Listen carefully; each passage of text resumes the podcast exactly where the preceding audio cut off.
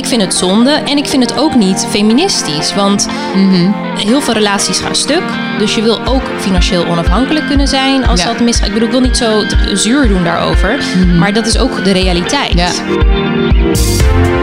Hoi, ik ben Anna. En dit is Journey. Wij zijn twee moeders met jonge kinderen en een carrière. Deze podcast was er dan ook bijna niet geweest. Want werkende moeders zijn best druk.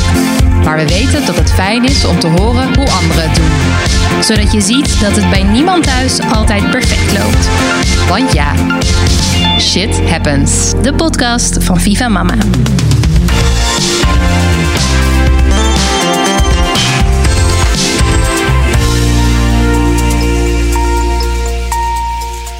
Nou, welkom bij de vierde aflevering van eh, Shit Happens. Yes, we hebben weer nieuwe reacties binnen. Ja, hele leuke ook. Eh, zal ik er gewoon even voorlezen? Ja, doe. Ik kreeg een reactie van een moeder, 31 jaar. Ze heeft drie meisjes van onder de vier jaar. En ze werkt 36 uur eh, per week als strategisch inkoper in de high-tech-industrie. Ehm, en zij schrijft het volgende. Ehm, ze heeft heel erg genoten van de podcast. Heb helaas weinig ambitieuze vriendinnen met kinderen. Dus dit is heerlijk herkenbaar, makkelijk om naar te luisteren en ook echt fijn voor mij, omdat mijn vriendinnen dit soort perikelen niet goed herkennen. Hoop dat jullie nog een tijdje doorgaan. Nou, wat is dit voor iets fijns? Ja, en zo, het gaat nog door. Oh, oh, oh, oké, ja. Het is een hele lap tekst. Eh, altijd fijn om ambitieuze vrouwen te zien slash horen. Dat sterkt me in de keuzes die ik maak met betrekking tot verdeling werk-kinderen in een omgeving waar men deze keuzes soms niet goed begrijpt. Dank daarvoor. Nou, dat is echt fijn. Ja. Dat is ook precies wat we willen. Precies de doelgroep ook. Ik vind het zo leuk dat, eh, nou ja, dat we haar dus kennelijk ook nog een beetje helpen. Beetje kunnen steunen. Ja. Ja. Want soms gaat het niet goed, dus ik ben nu al benieuwd. Vertel, waar ging het weer niet goed? Ja, mijn eh, shit happens moment. Ehm, we zaten in de auto, ik en eh, de twee kinderen. We gingen een dagje naar Giethoorn, waar mijn eh, familie een vakantiehuis heeft. En ik vind het heel leuk, dat soort uitjes. Ik doe het best wel vaak, dat ik gewoon met de kinderen op stap ga. Dan voelt het altijd als een... eh, nou, het is best een onderneming, maar het moment heb ik eh, in de loop der jaren geperfectioneerd, zou je kunnen zeggen. Eerst hadden we last van wagenziekte, dat de kinderen eh, gingen spugen. Dus ik heb nu een tabletje van tevoren, van die bandjes om de polsen.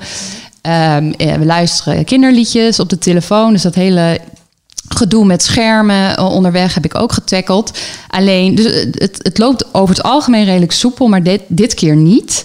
Eh, want ze besloot om een gilspelletje te doen. Dus de jongste begon met gillen. En de oudste ging dat nadoen. En ze ging een soort van tegen elkaar op, eh, opbieden qua gillen Een soort battle. een soort battle achterin. En het was zo hard, maar gewoon vol op het orgel. Zeg maar echt keihard. En je zit dan op de snelweg. Je moet wel let, opletten waar je rijdt. Ja, verstandig. En ik werd helemaal gek. En ik kon, omdat je dus aan het rijden bent, kun je niet echt ingrijpen. Dus ik zei, jongens, ik wil het niet hebben. Nu ophouden. Mama, weet je wel, die is aan het rijden. Ik moet opletten op de weg. Eh, maar het had geen effect. Dus het ging maar door, het ging maar door. Erg, maar het is ook best gevaarlijk. Het is echt gevaarlijk omdat je met je hoofd toch Ja. niet echt bij de weg bent. En ik werd echt, ik voelde een soort wanhoop in me opkomen. En toen ben ik, eh, ik dacht van, wat moet ik nou doen? Toen ben ik dus zelf heel hard gewoon gaan gillen. En dat, ja, ik, ja, maar ook nou, op een soort heel boze manier. Ja, opbouw! En dat, dat heb ik nog nooit op die manier gedaan. Ik echt, zo- I sort of lost it gewoon. En ja, ik kan er nu dus om lachen, maar op dat moment voelde ik me echt zo'n slechte moeder dat ik dus aan het gillen, aan het gillen was, terwijl zij Ja. eigenlijk lol hadden. Ja. En ik herinner me van mezelf ook wel vroeger dat ik dan met mijn zus op de achterbank ook vaak te slap lag. Ja, zeker. Op een, Ja, ja, op een moment dat het niet gewoon kon. too much. Dit was too much, ja. Dus ik dacht, ja, het, het ging gewoon echt niet goed. En de volgende keer ga ik denk ik, eh, als het weer gaat gebeuren, de auto gewoon langs de weg Ja, zetten. dat wil ik net zeggen. Dat lijkt me dan de enige oplossing. Ja, dat had ik moeten doen. te veranderen in de situatie. Ja, ja ik, omdat er geen afslag toen in de buurt was, ben ik door gaan rijden. Op een gegeven moment had, dat, had ik dat dus in mijn hoofd van, nou ja, eh, ik zit het wel uit. Maar dat, is, dat, ja, dat, gaat, dat werkt gewoon niet. Dus Voor de volgende keer. Ja, hè, we leren iedere week weer wat bij. Zo is het, zo is het. En bij jou, wat ging er mis bij jou? Ehm, nou, bij mij was het meer een, eh, een beetje emotioneel eh, moment eigenlijk. Ik zit nu weer op kantoor. Ehm, dus na al die weken van thuiswerken en ook niet eh 24/7 zeg maar, eh, beschikbaar hoeven zijn voor je werk, eh, moest ik deze week weer naar kantoor gaan omdat ik een teamleiding aan het geven ben. En dat kon nou eenmaal niet verder op afstand. Een programma dat nu gemaakt aan het worden is. Dus ik zat daar en de eerste twee dagen was ik eigenlijk alleen maar... Ik zat er helemaal in, in die bubbel. En toen op die derde dag kreeg ik een berichtje van mijn vriend... met een fotootje van de baby. En opeens, een soort van, it sort of hit me... dat ik dacht, oh ja, jij bent er ook nog. En oh ja, ik ben nu hier of zo. En het was bijna weer als helemaal in het begin... Dat je dus inderdaad die overstap maakt van dat je van eh, ja, de hele tijd met elkaar zijn in je kraamperiode.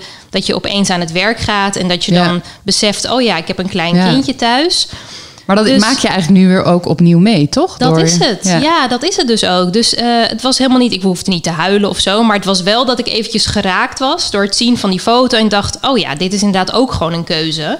Eh, namelijk op het moment dat je er weer voor kiest om vol aan de bak te gaan. Dan moet je daar weer een beetje afstand van nemen. En dat is niet erg. Maar Tot ja, ik voelde weer. hem wel even. ja.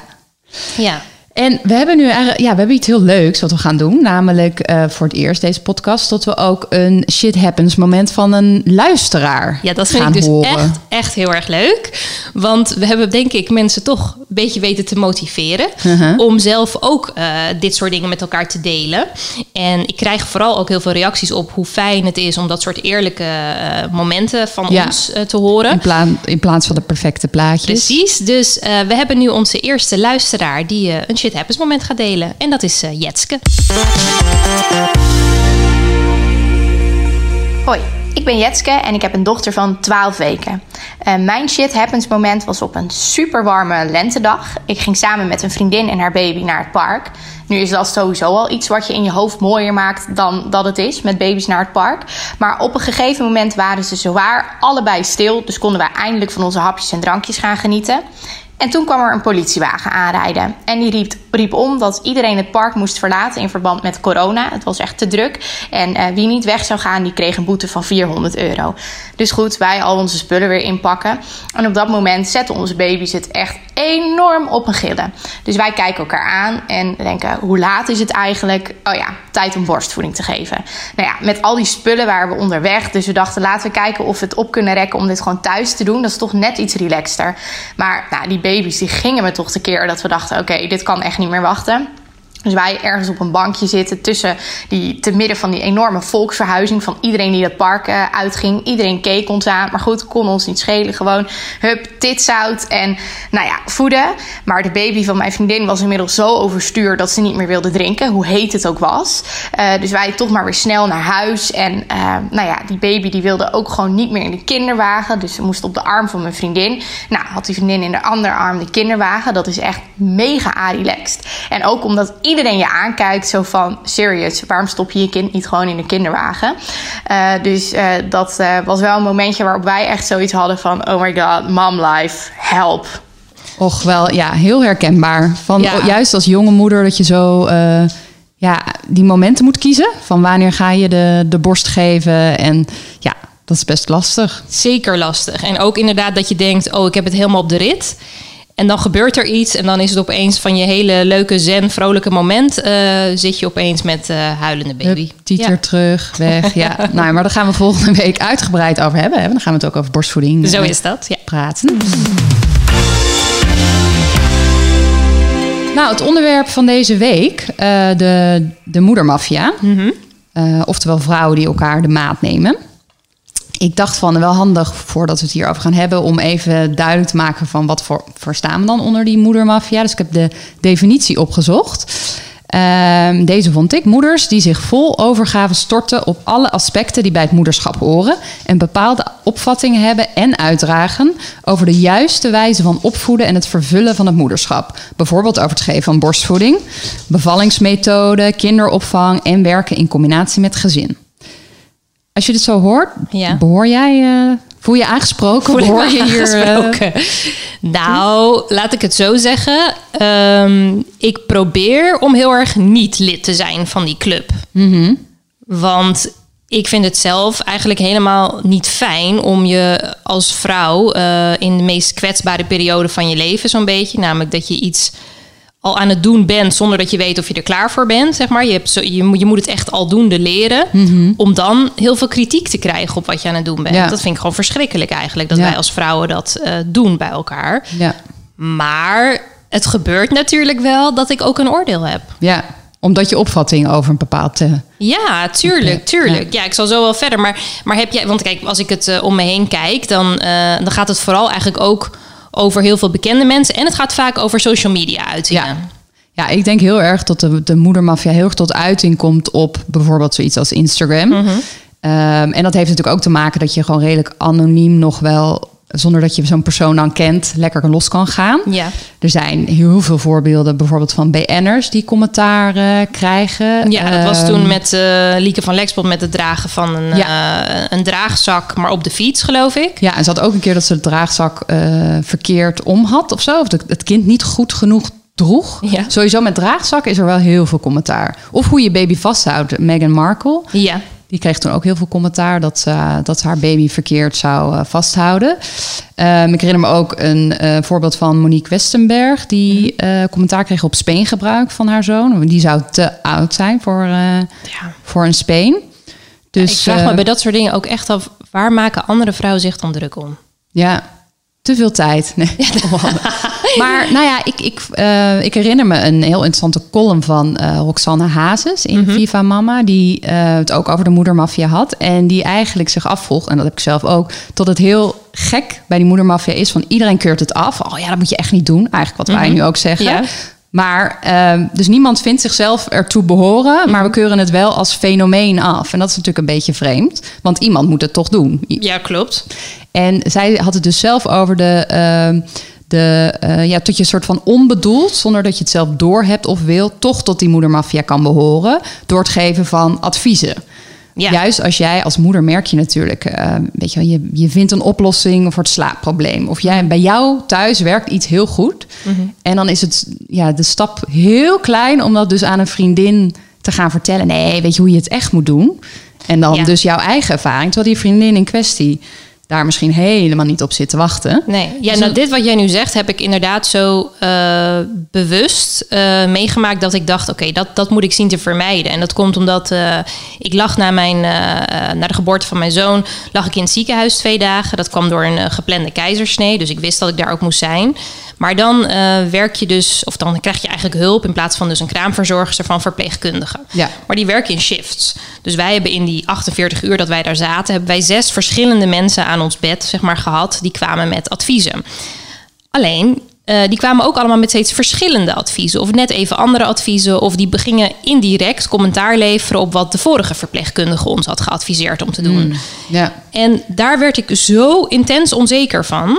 Omdat ik dacht, oké, maar ik wil het allerbeste. Ik wil de allerbeste zorg voor mijn kind. En nu weet ik dus niet of ik het nou de afgelopen uren fout heb gedaan. Of dat dit juist de nieuwe weg is die, die we moeten bewandelen. Dus eh, iedere keer als er iemand anders kwam met een goed bedoeld advies. En natuurlijk ook van een professional. Dan werd ik daar eigenlijk een beetje onzeker van. Terwijl ik denk, als ik gewoon had geluisterd naar wat ik zelf eh, van tevoren, zeg maar, zelf aanvoelde van dit zou goed zijn om te doen dat het dan veel meer ontspannen was geweest voor ons eh, als ja, klein nieuw jong gezin. Ja. Eh, en door dat gevoel, waarvan, ja, nu klinkt het dramatisch om te zeggen dat ik daar een beetje een traumaatje aan over heb gehouden, maar toch denk ik echt wel dat dat heeft meegespeeld. Dat ik vervolgens, als vriendinnen om mij heen zwanger werden, dat ik dan eh, heel bewust eerst ging vragen: ja, ik weet niet of je behoefte hebt misschien aan tips, maar Oh ja. ja, als dat zo is, laat maar weten.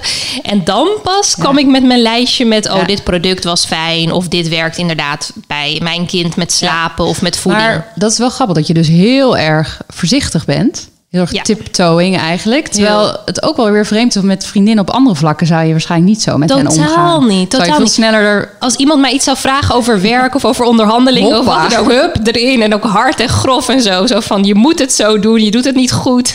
Terwijl met dit, nee, ik, ik echt, ik, eh, ik, ik probeer heel voorzichtig daarin te zijn. Maar echt omdat ik, ja, wat ik Omdat zelf... het ook- zo gevoelig ligt. Ik, Ja. ik vond het niet prettig. Eh, en ook omdat je inderdaad... eh, je wil niet in een ander het gevoel geven dat hij het niet goed doet. En dat gevoel creëer je wel Ja. door te zeggen dat iets bij jou heel goed gaat. Ja. En dat is natuurlijk gek. Ik heb dat dus zelf ook wel met de, de, de mom-influencers of moeders die ik op Instagram volg. Van in hoeverre haal je inspiratie uit Mhm. andere vrouwen... en in hoeverre ga je zo vergelijken dat het je onzeker maakt. Maakt het je onzeker? Nou, ik heb wel ehm, ja, bepaalde moeders. Nou, dit is een combinatie. Eh, bijvoorbeeld een Iris Zelstra, dat is een onderneemster in Amsterdam. Ehm, die is wel echt picture perfect qua foto's. Maar die is wel heel eerlijk over haar. eh, weet je, tot het feit dat ze heel hard werkt. Want ze heeft gewoon allemaal eigen zaken. Maar als ik die plaatjes zie, dan denk ik wel, ze loopt dus, eh, ze neemt heel vaak de kinderen mee naar werk. En die hebben allemaal matchy outfits, prachtige jurkjes. Eh zitten daar samen baby chino's te drinken. En als ik denk, mijn kinderen mee, ergens meenemen, dan wordt het altijd gegeel en gedoe. Mijn dochter krijg ik sinds kort helemaal niet meer in jurken. Die wil een jongen zijn en die wil voetbalshirts aan. dus haar outfit zou het sowieso echt niet goed doen. Op Insta. Op Instagram. Een soort van, eh, ja, er zitten ook geen elastiekjes meer in. Dus die krullen staan alle kanten op. Ehm, dus enerzijds, maar bij haar vind ik het wel leuk, omdat ik, ik, ik, eh, ik haal er dus wel inspiratie uit Ja. van zij is, werkt keihard en ze heeft een gezin. En ik vind het heel fijn dat vrouwen die eh, meerdere identiteiten laten zien. Ja. Dat ze gewoon, weet je wel, ze runnen ook zaken. ehm, ze zijn aan het werk en dan kan het plaatje er leuk uitzien. Maar ehm, ik vind, ja, waar ik me dus een beetje aan erger of waar ik moeite mee heb, zijn die vrouwen die ja, op Instagram een soort beeld. Dus misschien ben ik wat betreft hen wel een beetje moedermafia, dat ik daar dan iets van vind, althans. Ehm, dat ze zo uh, ja, bijna als soort poppenvrouwtjes zich uh, uh, presenteren. Van al Stepford. Ja, maar al, al bakkend en knutselend en altijd perfect in bloemetjesjurken door het bos, uh, punnekend, weet ik, muffins bakkend. Dat ik denk van ja, dit is toch niet alleen wie jij bent.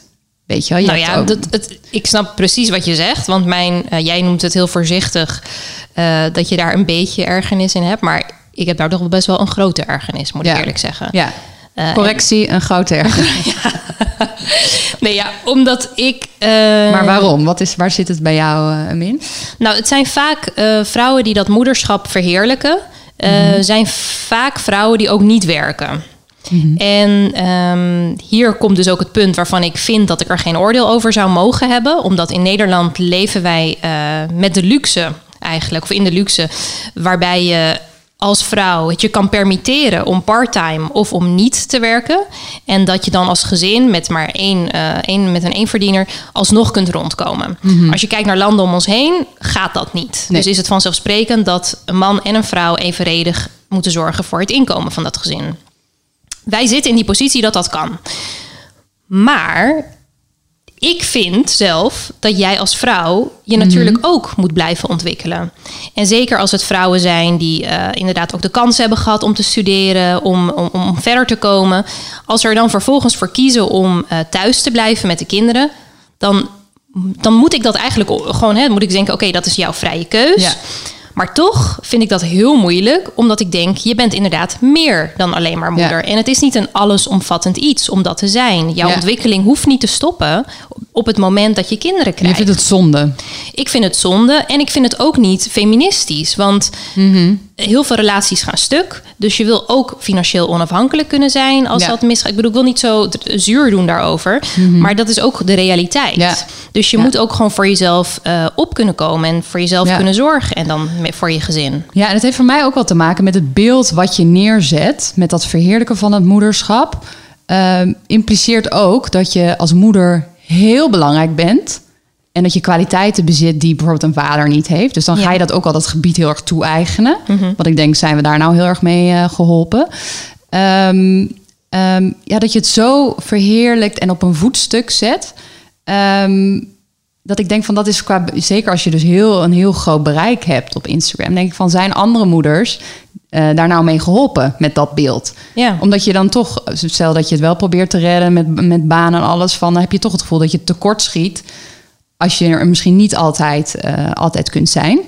Um, en ik mis een beetje die voorbeelden van, uh, want ook de meeste uh, vrouw, moeders die veel, nou ja, een grote following hebben, zijn vaak allemaal zelfstandigen. Mm -hmm. En ik als iemand die in loondienst werkt, waar je gewoon uh, heel weinig flexibiliteit hebt, mm -hmm. heb je dus bijna geen voorbeelden van bekende moeders die met hele fix tijden. Uh, het alsnog moeten zien te redden. Ja, precies. En het is allemaal van uh, balans. En weet je, tussendoor kan je ook nog een cupcake bakken. En dan tot 12 uur uh, achter je laptop. Toevallig nu in deze corona tijden kan ik dat ook, maar normaal niet. Ja. Uh, en daar, daar zijn gewoon zo weinig rolmodellen. Maar heb jij zelf wel eens te maken gekregen met die moedermafia? Ik heb wel uh, commentaar gekregen toen ik op Instagram um, een story plaatste van mijn zoon. Die was toen anderhalf jaar oud. met een speen. Toen kreeg ik eh, een aantal commentaren van eh, waarom heeft hij nog een speen in? Dat is niet goed voor de tandjes, niet goed voor de spraakontwikkeling. Ehm, en toen heb ik één zo'n vrouw uh, geantwoord van dankjewel voor je commentaar. Dit was via Instagram? Ja, Instagram was dit. Dankjewel voor je commentaar. Um, en toen misschien achteraf ook slap, maar ik heb het wel gedaan. Een soort verantwoording.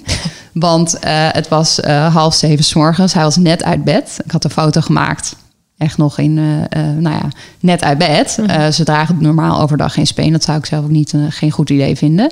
Dus dat heb ik toen aan haar teruggeschreven. en toen kreeg ik van haar weer een reactie. En zo zie je altijd wel, als je met iemand dan het gesprek aangaat, -hmm. is het allemaal minder heftig. Ja. Zo, oh, sorry, ik wilde me nergens mee bemoeien. Je moet het ook helemaal zelf weten. Maar ik ben zelf oud-lerares, had bij consultatiebureau gewerkt. tot ze vaak kindjes had gezien -hmm. die hier later problemen van ondervonden. Dus het was een soort van uh, ja, goed bedoelde suggestie waar je dan achteraf, als je meer ja, het gesprek aangaat, achterkomt. Maar grappig genoeg, uh, later, uh, tot kort geleden was dit eigenlijk, reageerde diezelfde vrouw weer. Toen mijn kinderen op de bank lagen met alle twee een fles melk. Mm -hmm. Toen was het, oh nee, nog steeds flessen. Toen dacht ik van, oké, okay, mijn interactie met jou van vorige keer heeft niet ervoor gezorgd dat jij nu milder bent geworden in je commentaar. Uh, toen heb ik haar geblokt. Oh ja, uh, toen okay. dacht ik even genoeg. Maar ik heb toen wel, want ik zat zelf al met dat moment. Uh, of met dit, dit ritueel een beetje in mijn maag van... mijn oudste is echt te oud voor nog een fles. Dat is gewoon mm. niet nodig. Dus mijn soort woede richting haar van waar bemoei je mee... heb ik toen omgezet in we gaan die fles weghalen. Dus uiteindelijk maar waarom trek je iets aan van deze random persoon? Omdat ze wel gelijk had van vierjarige met een melkfles. Dat ik wist, ik was heel lang dit moment van ik moet dat even gewoon weghalen. Mm -hmm. Het slaat nergens meer op. Maar de dagen, de weken vliegen voorbij. Mm -hmm. Dus het was even zo'n moment dat ik dacht, oh ja. Maar ik wil haar dus niet de credit geven. Dat zeg ik dus nu hardop in deze podcast. Maar ik had uh, uiteindelijk denk ik van ja, of je doet dikke vinger zakken maar in. Of in dit, in dit geval had ik zoiets van, nou, ik heb het nog omgezet in iets uiteindelijk positiefs. Mm -hmm. Want de volgende dag was ik van een vervelende gewoonte, wat ik dacht van, waar ik altijd nog zo'n dacht van, moeten we afleren, dat is niet goed. Toen zijn we er vanaf uh, gestapt. Oké. Okay, jij, nog... jij, jij kijkt me aan als een slappeling. Ik denk echt bij mezelf, je lijkt wel gek. Nee, ja, het is niet dat ik denk slappeling, maar wel van ik snap niet dat je je. Want eigenlijk ging je het net trouwens ook weer doen. Want je zei, uh, zei ja, als het, ik had die foto's ochtends gemaakt. En als ik hem overdag had gemaakt. Ja, nee, daar was ik het ook niet mee ja. eens geweest met die speen. Dat ik dacht, ga je nou weer nu verantwoorden voor wat je deed ja, met die maar speen? heb jij dat dan niet? Als je commentaar krijgt op jouw zoon, dat jij iets doet. Waar, wel iets waarvan je al een beetje denkt van. Tuurlijk, van de dingen waar je heel erg van overtuigd bent. Dan, mm -hmm. dan, dan, dan laat je natuurlijk allemaal ja. van je afglijden. Maar al iets waar je denkt, oh, hmm, moet ik misschien iets mee? En iemand wijst jou daar dan op, zou je dan helemaal. Ja, ik zit dus niet te denken, hebben? maar misschien ben ik te. Misschien durven mensen mij nu dingen niet te zeggen of zo. Want ik heb dus nog niet zo heel veel van dat soort dingen meegemaakt. Oh ja, maar jij hebt natuurlijk ook een afgesloten Instagram-account. Ik krijg heb, wel ja, onbekende. Dat is het, denk ik inderdaad. Zodra je ja. mensen kent, ja, iedereen ja. is liever dan. Ik denk echt inderdaad dat het, dat het dan beter is. Ja. Maar dat is wel een punt. Ik heb een openbaar Instagram-account. Bedoel, je plaatst dingen. Mm -hmm. Je, krijgt, ja, je kan ook dingen terug verwachten. Weet je wel? Ik bedoel, je krijgt namelijk ook van de duizend positieve is er één negatief. Ja, in mijn daar, ervaring. Ja, en die is dus weer in jouw hoofd helemaal die gaan gaat zitten. in je hoofd zitten. Ja, dat is wel zo. Maar ja, er zijn dus ook heel veel mensen die heel... Oh, wat een lief jongetje. Maar wat ga je nu doen? Als er weer iemand is die commentaar levert op de manier waarop jij met je kinderen omgaat. Ga je daar weer op reageren of niet? Over het algemeen reageer ik niet. Um, maar... Um, ja, als het echt kritiek is op iets, ja, ik weet het niet. Het, uh, het hangt ook van je bui af. Of je gewoon, over het algemeen heb je er gewoon geen tijd voor of geen zin in. Um, maar als het iets is, soms wil je gewoon iemand ook wel een beetje op zijn plek zetten. Wat ik bij die mevrouw ook wel ja. wilde doen. Van, want zolang, als je niks terugzegt, hoeveel anderen doet zij dit ook? Dus je gewoon even laten weten van nou. Uh... Maar is het niet ook, en dat is denk ik um, uh, wat er ook speelt, is dat heel veel van die vrouwen die dus bezig zijn met zich bemoeien met de opvoeding van uh, mensen die ze eigenlijk niet kennen. Mm -hmm. Want dat is vaak het geval ja. als het op social media speelt. Uh, dat dit vrouwen zijn die uh, zoveel erkenning moeten halen uit wat zij doen als moeder, omdat ze het op andere manieren niet krijgen. Ja. En dat hele gevoel van een oermoeder willen zijn. En dus eigenlijk alles voor je kind over hebben. Hè, je hele leven in teken zetten van het kind. Ja. Ik denk dat het ook heel erg daaruit voortkomt. En dat dat misschien ook helemaal niet zo gezond Nee. is om op die manier je hele leven in, in teken te zetten van. Ja, Ja. Van, eh, van kinderen die. eh, ja, ze zijn niet een verlengstuk van jou. Hè? Ze Ja. zijn gewoon op zichzelf. En jij bent los een persoon. Ja. ja, precies. Dat het zo, als het zo erg je identiteit vormt van ik ben moeder en dat is het.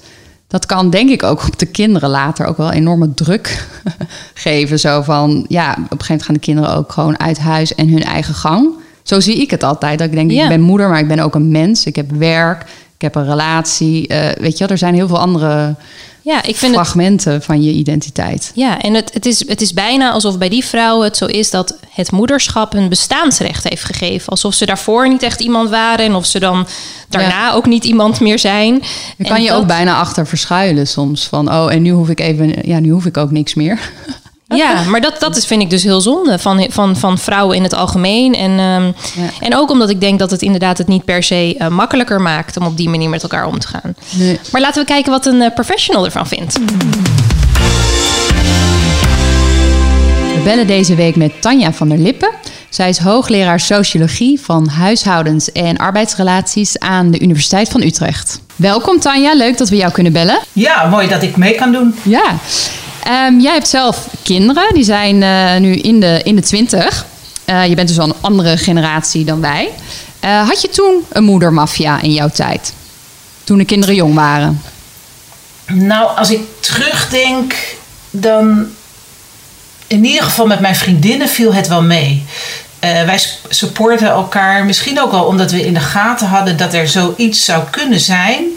Dat je zo heel erg op elkaar eh, let. Eh, maar ik weet wel bijvoorbeeld iets verder weg was er een, ehm, een hoger opgeleide vrouw. eh, die van tevoren vijf dagen werkte. Eh, maar toen zij kinderen kreeg, ervoor koos om helemaal te stoppen met werken. En dat was eigenlijk not done. Dat werd niet geaccepteerd in de omgeving. En eh, dus helemaal niet werken, eh, dat, eh, dat verdiende geen voorkeur. En ook als je meer dan vier dagen per week werkte, dus vijf dagen werken als je moeder was, nou dan werd je ook wel afkeurend aangekeken. Heb je dat Dus zelf ook meegemaakt? ja, ja, nou ja, wel interessant om te noemen. En ik, ik denk eigenlijk wel dat meer mensen dit voorbeeld hebben. Eh, naast ons woonde een, ehm, een, eh, een, een vrouw. Uiteindelijk werd ze ook oma genoemd door onze kinderen, dus eh, beduidend eh, ouder. En toen we de kinderen kregen, toen we ons eerste kregen, toen gingen wij beide terug naar vier dagen werk. Eh, mijn man en ik. En ehm, ze zei tegen mij: Jemie, nee zeg, hoe ga je dat doen? Vier dagen werken. En tegen mijn man zei ze: Nou, wat geweldig dat je één dag thuis bent voor de kinderen. Oh ja. Ja, dus dat is. En ik, en ik denk eigenlijk. eh, nou, ik weet niet hoe dat eh, voor jullie is. Maar ik stel me zo voor dat die norm. Er is zoveel veranderd al in het leven. In het werkende leven ook vooral van vrouwen. Vrouwen zijn zoveel meer gaan werken op de arbeidsmarkt. Maar dat die norm wel is gebleven. ja. Dat, papa snel een eh, applausje krijgt voor die ene dag. Ja, ja, dus dat is. eh, eh, eh, en wij worden daar dan toch eh, eh, wat meer afkeurend op aangekeken. Want hoe kan je in hemelsnaam dat combineren? Dus hoe kan je een goede moeder zijn en ook zo presteren in je werk? Nou Ja. ja, dat blijft ook een uitdaging. Maar, maar heb jij een idee waarom we eigenlijk elkaar zouden maat nemen als het om vo- opvoeden gaat? Ehm, ja, eh, ik denk dat dat doen inderdaad vooral vrouwen. Ehm, meer dan mannen eh, hierin. En eh, wij laten in ons onderzoek zien al dat vrouwen hebben hogere standaarden. Qua bijvoorbeeld hoe schoon het huis is. Zien ook vaker eerder de rommel die er is in huis. Dat zeggen ze ook. Ze vinden dat ook belangrijker. En ook, eh, want daar gaat die moedermafia natuurlijk nog meer over. Ook gaat het over hun kinderen. Dus zij, ehm, eh, ze vinden het belangrijker dat hun, eh, eh, hun kind er goed gekleed uitziet. Eh, dus ja, vindt het niet fijn als uh, de vader uh, iets van kleding aanlegt voor een uh, neerlegt voor het kind. En, en, en dat ziet er, of ze kleden aan en het is weet je, roze met rood of weet ik veel wat bij een meisje. Hè? Dus dat moet mhm. wel afgestemd worden. Ehm, ehm, moeders regelen ook vaker de cadeautjes, organiseren de kinderverjaardagen. Als er op school een knutselwerkje nodig is, dan, dan gaan de moeders aan de gang vooral en de vaders veel minder. En wij denken, mhm. of uh, de moeders denken, dat andere moeders uh, naar ze kijken van uh, ja, deze moeder die ook nog werkt, die is daar eigenlijk te weinig mee bezig met die kinderen. Mm. Um, en ik, ik denk zelf dat elke individuele moeder zal zeggen, ja, maar ik doe dat helemaal niet. Ik, ik kijk, ik let helemaal niet op die uh, andere moeders, uh, hoe ze hun kinderen aankleden of wat voor knutselwerkje uh, er meegegeven wordt naar school. maar met elkaar heerst toch die norm dan dat, je, ja, dat er op elkaar wordt gelet. Maar dan zit het dus vooral in ons eigen hoofd dat we heel erg rekening houden met die andere moeders die mogelijk iets vinden van hoe wij het doen. Ja, ik denk dat, dat het eerder in ons hoofd uh, zit. Het is moeilijk om te definiëren ook precies wie is die moedermafia. Maar je ziet natuurlijk wel om je heen dat het gebeurt. Mhm. Dus het zit vooral in ons hoofd. En daardoor wordt het ook, ja, ook wel deels werkelijkheid, denk ik. En wat doet het eigenlijk met een vrouw om in uh, ja, de meest kwetsbare periode van haar leven met zoveel kritiek om te moeten gaan? Nou ja, dat zorgt, uh, uh, dat is niet goed zou ik zeggen, want het zorgt voor neg negatieve energie. Het geeft stress uh, als je niet voldoet aan de normen die we met elkaar hebben afgesproken. En die normen, nou, die heb je zelf eigenlijk ook al geïnternaliseerd tot je eigen opvattingen. Dus jij vindt ook zelf dat je het goed moet doen. Dat je kind er goed uit moet zien. Dat je een mooi knutselwerkje mee moet geven aan je kind. Dus uh, je hebt dat zelf geïnternaliseerd al tot je eigen opvattingen. Dus als je er niet aan voldoet, uh, dan ben je er zelf niet blij uh, mee. En je hebt ook nog het idee dat, dat je omgeving er niet blij mee is. Ja. En, en wat we dan ook zien is dat moeders voelen zich veel vaker schuldig dan, uh, uh, dan vaders, omdat ze die betaalde baan combineren met, met de zorg voor de kinderen. Ja. Ja, dus ze willen alles laten zien. Hè. Ze willen laten zien dat ze geweldige moeders zijn.